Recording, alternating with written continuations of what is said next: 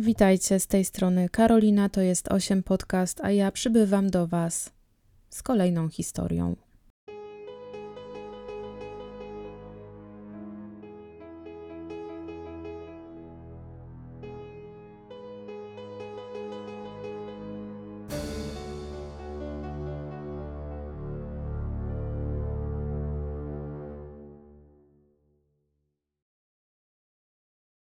Dzisiejszą historię pozwolę sobie rozpocząć takim oto cytatem. Byłam w szoku, absolutnie w szoku. Popatrzyłam w stronę drzwi i zobaczyłam światło. Coś było bardzo nie w porządku. I wtedy zobaczyłam jego. Następną rzeczą, jaką pamiętam, było to, że on leżał w łóżku na mnie. Koniec cytatu. 4 kwietnia 2003 roku oprawca Christy Mills powiedział jej, że przyszedł do jej domu, znajdującego się w Bloomington w Illinois, żeby ją obrabować. I dopóki Christy będzie współpracować, to on nie zrobi jej krzywdy. Jeśli w jakiś sposób będzie się stawiała, on bez chwili namysłu pociągnie za spust. Napastnik nosił rękawiczki, a na twarzy miał maskę narciarską i przez cały czas był spokojny. Był całkowicie opanowany, kiedy kazał Christie skrzyżować ręce za plecami, a potem przy pomocy opasek zaciskowych spiął jej nadgarstki. Był nadal bardzo spokojny, kiedy owijał taśmę klejącą wokół jej głowy, kiedy zaklejał jej oczy i usta i był nadal spokojny, kiedy kolejny i kolejny raz owijał taśmę. Nie pokazał ani grama emocji, kiedy po tym wszystkim założył kobiecie poszewkę na poduszkę na głowę. W jego oczach Christie była gotowa, a celem mężczyzny wcale nie była kradzież. Przez następne 45 minut napastował ją seksualnie. Kobieta mówi dalej: Wiesz, Miałam wrażenie, że on nie lubił, kiedy ktoś panikował, i miałam wrażenie, że wiedział, co robi. Kiedy już skończył swój atak, zabrał Christie do łazienki. Ona była przekonana, że to jest już jej koniec.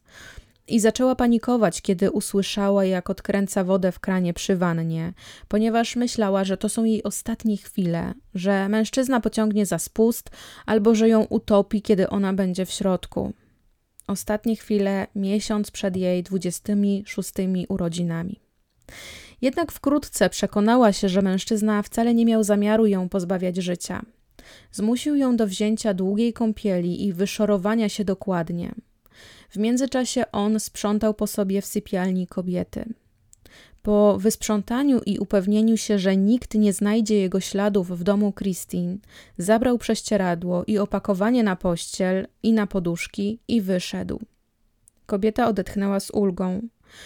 Mogła wreszcie zdjąć z głowy poszewkę na poduszkę oraz wyplątać się z taśmy klejącej. Kiedy to zrobiła, zadzwoniła pod numer 911. Christie początkowo nie chciała nikomu mówić o tej napaści, której była ofiarą. Było to dla niej zbyt krępujące, zbyt bolesne przeżycie. Jednak zdała sobie sprawę, że jeśli nie opowie o tym, co ją spotkało, no to mężczyzna napadnie na kolejną osobę. Czwartą ofiarą zamaskowanego sprawcy została 28-letnia Sara Calms Glieish i została napadnięta dwa lata później. Mężczyzna obudził ją w środku nocy, przykładając nóż do gardła oraz pistolet do jej głowy. Szczegóły dotyczące sprawcy, jakie zapamiętała 28-latka, to na przykład to, że mężczyzna chodził w dość nieporadny sposób, chociaż e, Sara opisała ten sposób chodu jako taki bardzo niezręczny. Zapamiętała też to, że miał jasno-niebieskie oczy, które, gdyby zobaczyła ponownie, bez najmniejszego zawahania, wskazałaby jeszcze raz. I tak jak dwa lata wcześniej z Christie oraz e, ofiarami numer 2 i 3, Sarze także nakazał wziąć długą kąpiel, żeby kobieta zmyła z siebie jakiekolwiek jego ślady. Nazwiska ofiary drugiej oraz trzeciej nigdy nie zostały upublicznione, także z pełnych danych osobowych znamy tylko Christie oraz Sarę. Wszystkie ofiary zgłosiły napaści i za każdym razem dla śledczych było jasne, że mają do czynienia z kimś, kto wie, jeśli nie wszystko, to dużo o zbieraniu dowodów, że może to być policjant, albo były policjant, albo ochroniarz, albo wyjątkowo zagorzały wielbiciel spraw kryminalnych. Napaści na kobiety nie były przypadkowe, o czym za każdym razem kobiety mówiły podczas składania zeznań. Mężczyzna mówił Sarze, że wie, jak wygląda jej siostra, jakim samochodem ona jeździ, wie, kto jest jej narzeczonym, zna harmonogram jej pracy i wie, że pracuje jako menadżerka restauracji. Wiedział o kobiecie wszystko i groził, że jeśli nie będzie mu posłuszna, to on zaatakuje jej rodzinę. A Sara nie mogła do tego dopuścić, tak więc posłusznie wykonywała to, czego chciał od niej napastnik. Wiedziała, że nie może dać mu się pozbawić życia, ponieważ za sześć tygodni miała brać ślub. Mężczyzna był z nią przez trzy godziny i tak jak w przypadku Christie użył taśmy klejącej oraz poszewki na jasiek, żeby kobieta go nie widziała. Sara oprócz koloru oczu zapamiętała także, że mężczyzna był bardzo rozmowny i napaść nie sprowadzała się tylko do samego aktu, ale także mm, do tego, że to on sam zaczynał rozmowę i e, to nie był tylko monolog ze strony Sary, ale mężczyzna aktywnie uczestniczył w tej rozmowie. Każda z poprzednich ofiar, podobnie jak Sara, opisywały tę rozmowę oraz swego rodzaju troskliwość, zanim doszło do ataku. Mimo włożonych wysiłków wytropienia sprawcy, przez długi czas był on nieuchwytny. Tak więc śledczy Matthew Dick oraz Clay Wheeler skontaktowali się z biurem FBI i poprosili o pomoc. I taki oto profilerzy przygotowali opis napastnika. Miał on nie być jakimś odrażającym typem spod ciemnej gwiazdy, a właściwie osobą, która jest porządnym obywatelem albo sprawia takie wrażenie na pierwszy rzut oka. Śledczy mieli nie szukać osoby z kryminalną przeszłością, ponieważ to nie będzie ich sprawca. Ma to być mężczyzna, z którym chętnie ludzie współpracują, a ludzie ci po usłyszeniu tej rewelacji, że oto ich współpracownik jest sprawcą napaści, mieliby powiedzieć: O nie, to niemożliwe. On na pewno by tego nie zrobił. Mężczyzna mógł też być szanowanym członkiem społeczności, w której żył. Detektywi, którzy zajmowali się tą sprawą, doszli do wniosku, że napastnik był typem prześladowcy. Wybierał ofiarę, po czym obsesyjnie ją obserwował. Kolekcjonował każdą możliwą, przydatną i także kompletnie zbędną informację na ich temat, a potem powtarzał to wszystko, co już wiedział, i powtarzał to podczas napaści ofierze prosto w twarz.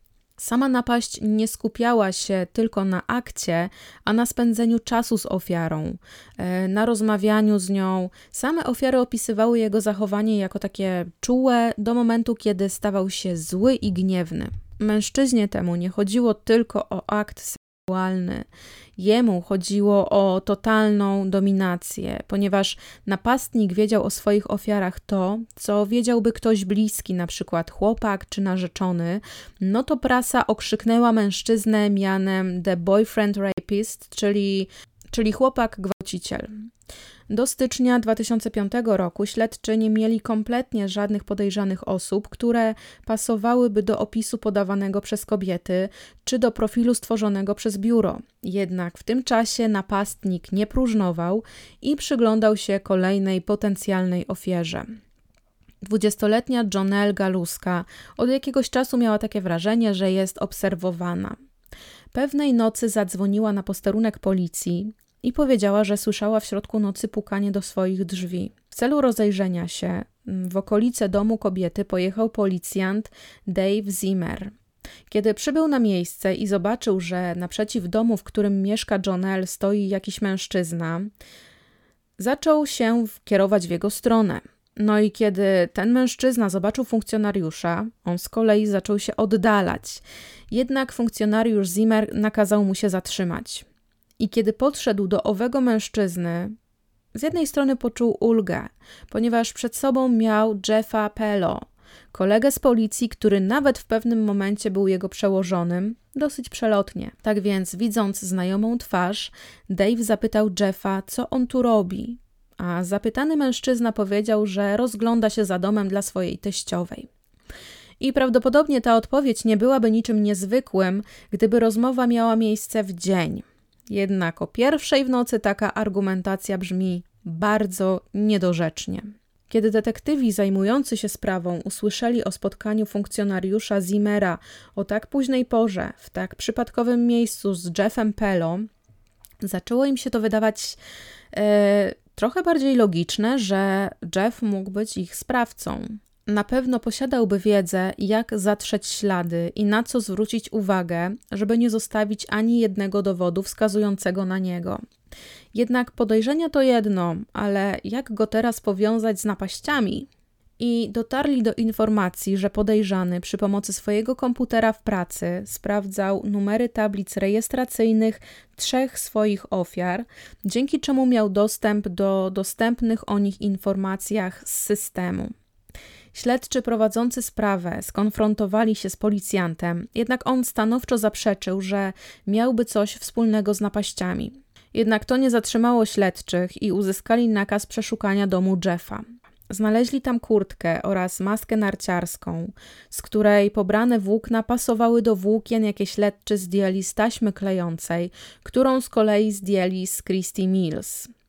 Podczas zeznań ofiary opisywały rękawiczki, jakie miał ze sobą sprawca. Opis rękawiczek był zgodny z tymi, jakie nosili policjanci albo ochroniarze. I mimo, że kobiety nie widziały swojego napastnika, to mogły go rozpoznać po głosie i tak się też stało.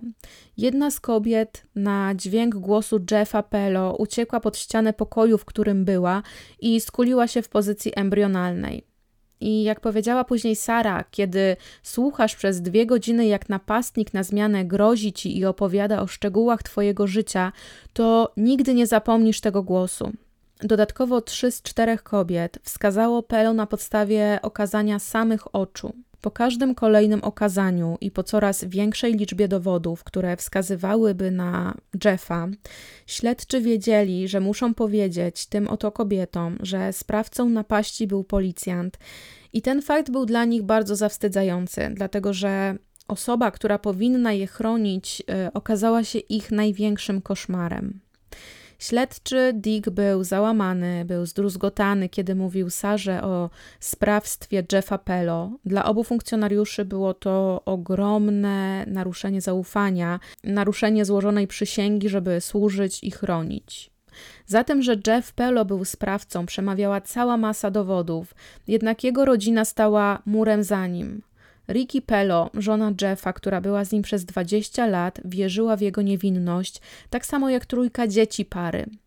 Ricky argumentowała, że przez cały ten czas, kiedy się znali, kiedy byli małżeństwem, Jeff nigdy jej nie okłamał, nie dał jej powodu, żeby mu nie wierzyła. On jej powiedział, że w tych przypadkach był po prostu w złym miejscu o złym czasie.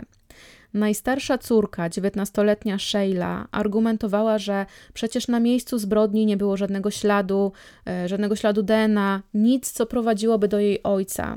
Swoją drogą ciężko, żeby jakikolwiek ślad pozostał, skoro Jeff wyjątkowo dokładnie postarał się nic nie zostawić po sobie.